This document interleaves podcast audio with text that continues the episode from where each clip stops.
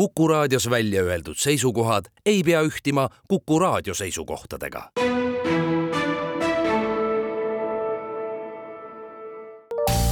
terviseks. Saadet toetab Lääne-Tallinna Keskhaigla, vaata ka keskhaigla.ee tere, head Kuku kuulajad, eetris on saade Terviseks ja kui me eilses saates rääkisime toitumisest, siis tänasel teemal jätkame. mina olen Ingela Virkus ja koos minuga on stuudios Lääne-Tallinna Keskhaigla toitumisnõustaja ja toitumisterapeut Külli Holsting, tere taas! tervist! milline on toitumise mõju siis inimese üldtervisele, et kui palju see ikkagi mõjutab seda, kuidas inimene ennast tunneb ja milline on tema selline füüsiline tervis näiteks ja ka vaimne? Just, et äh, tegelikult palju rohkem, kui me võib-olla isegi seda igapäevaselt teadvustame ja kui me mõtleme, et kogu meie sellisest tervisest äh, üle viiekümne protsendi sõltubki meie elustiilist, siis väga suur osa ongi sellel ikkagi just nimelt toitumisel. et äh, hästi toituvad inimesed tunnevad elust suuremat rõõmu, seda kinnitavad uuringud, mitte ainult mina, ja, ja on tehtud ka uuringud, et inimesed, kes söövad ka igapäevaselt seal viissada grammi ja rohkem köögivilja, näevad elu ka positiivsemates värvides nii et äh, juba see väike fakt võiks olla see, mis innustaks meid ka tervislikumalt toituma. pluss see, et äh, me saame kätte toidust vajalikud vitamiinid, mineraalained, mis hoiavad ka meie keha ainevahetust tasakaalus ja hoiab tänu sellele ka meie keha vastupanuvõimelise ka näiteks meie sügisesele viirushooajale. nii et äh, tasub kindlasti sellele alati rohkem tähelepanu pöörata ja, ja rohkem läbi mõelda oma igapäevane menüü mida siis võiks just praegu tarbida just sel põhjusel, et äh, hoidagi oma tervist, mitte haigestuda, immuunsüsteemi turgutada? Ehk et praegusel ajal kindlasti on oluline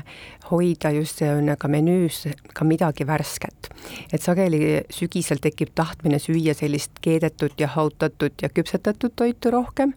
Äh, tänu sellele külmemale ilmale, aga tähelepanu pöörata jah, mingitele C-vitamiini allikatele, on selleks siis teil igapäevaselt kas või külmutatud marja peotäis äh, pudru peal, äh, smuuti sees või need on mingid väiksed vahepala köögiviljatampsud, kust me saaksime igapäevaselt võimalikult palju oma C-vitamiini kätte. ja parem on ta tõesti toidust kui purgist, just sellepärast, et toidust me saame kaasa veel ka erinevaid bioaktiivseid aineid, mis veel kord omakorda turgutavad ja toetavad immuunsussüsteemi, mitte ainult C-vitamiin üksinda.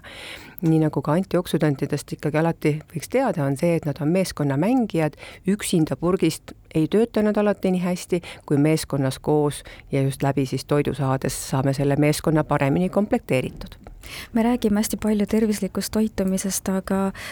see, mis ühele on tervislik, ei pruugi seda alati teisele olla, et kui näiteks siin tulevad mängu ka toiduallergiad, toidutalumatus, et kust sellisel juhul saaks seda kõige adekvaatsemat infot, et mida individuaalselt just konkreetselt minule oleks siis vaja või kuidas mina peaksin sööma mm? -hmm. no sellisel puhul ma ikkagi soovitan alati tulla kas toitumisnõustaja või terapeudi vastuvõtule ja vaadata koos see menüü üle, et mida siis talumatuse ja allergia tõttu peab menüüst välja jätma, et kuidas seda asendada nii, et ei jää jääks mingitest toitainetest puudust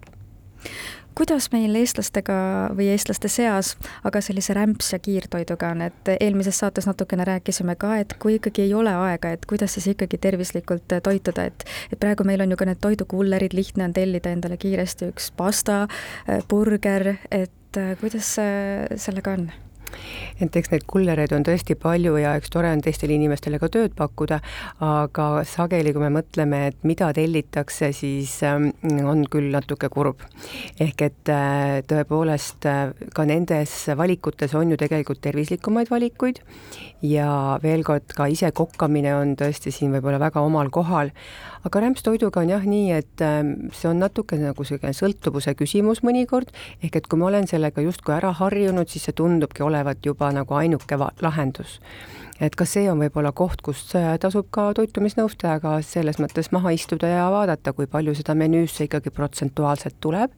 sest loomulikult väike kogus ei ole nüüd meile ohtlik kuidagi ega kahjulik, aga äh, kui seda hakkabki olema nagu liiga palju iga päev, siis me võime küll oma tervisele päris oluliselt kahju teha mida see väike kogus täpsemalt tähendab? no eks see sõltub alati ka tervislikust seisundist, vanusest ja veel mitmest muustki asjaolust, aga, aga jah, enamasti võiks siin ikkagi lähtuda sellisest kakskümmend, kaheksakümmend printsiibist, ehk et äh, kui meil on kaheksakümmend väga hästi, siis me võime kahekümnega ka pisut patustada,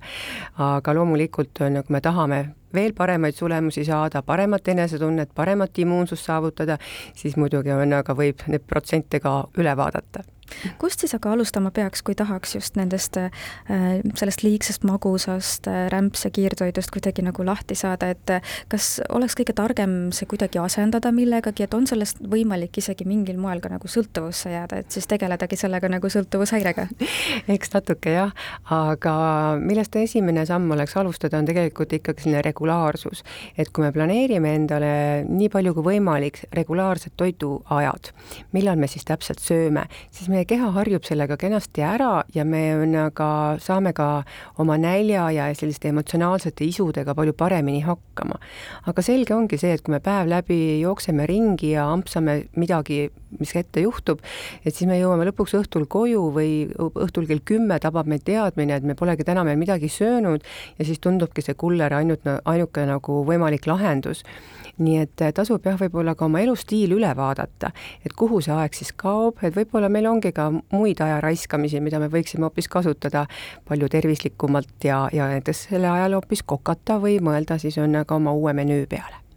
kui siis hakatakse midagi enda menüüst välja jätma, siis teinekord võib ette tulla ka hoopis seda, et tekib veel suurem kiusatus selle kõige järele, mida siis üritatakse menüüst välja jätta, et kuidas selle kiusatusega toime tulla, et mitte siis oma isudele järele anda mm? -hmm. eks noh, kiusatusega jah, võib mitmeti toimida ja, ja olulisem on jah, võib-olla tekitada endale ikkagi sellised tervislikud harjumused, ehk et me nagu olemegi harjunud valima tervislikke valikuid, see kannab meid tegelikult pikemalt kui see, et me jätame vajutused midagi välja ja et nädal aega me ei söö seda ja siis lubame endale üht-teist. et, et loomulikult äh, me võime endale aeg-ajalt midagi lubada, igaüks oskab iseenda eest ka seda öelda, kuidas tal tervis ja, ja kehakaal seda lubab, aga, aga mõnikord on jah see, et, et kui mul on ikkagi põhi paigas, äh, baastoitumine hea ja enamasti kõik hästi, siis selline väike patustamine ei tee ka ju näiteks pühade paiku mitte midagi halba aga kas siis peaks kohe esimesel võimalusel trenni jooksma või kuidas sellega on? et äh, füüsiline aktiivsus on alati väga teretulnud ja, ja seda võiks ka teha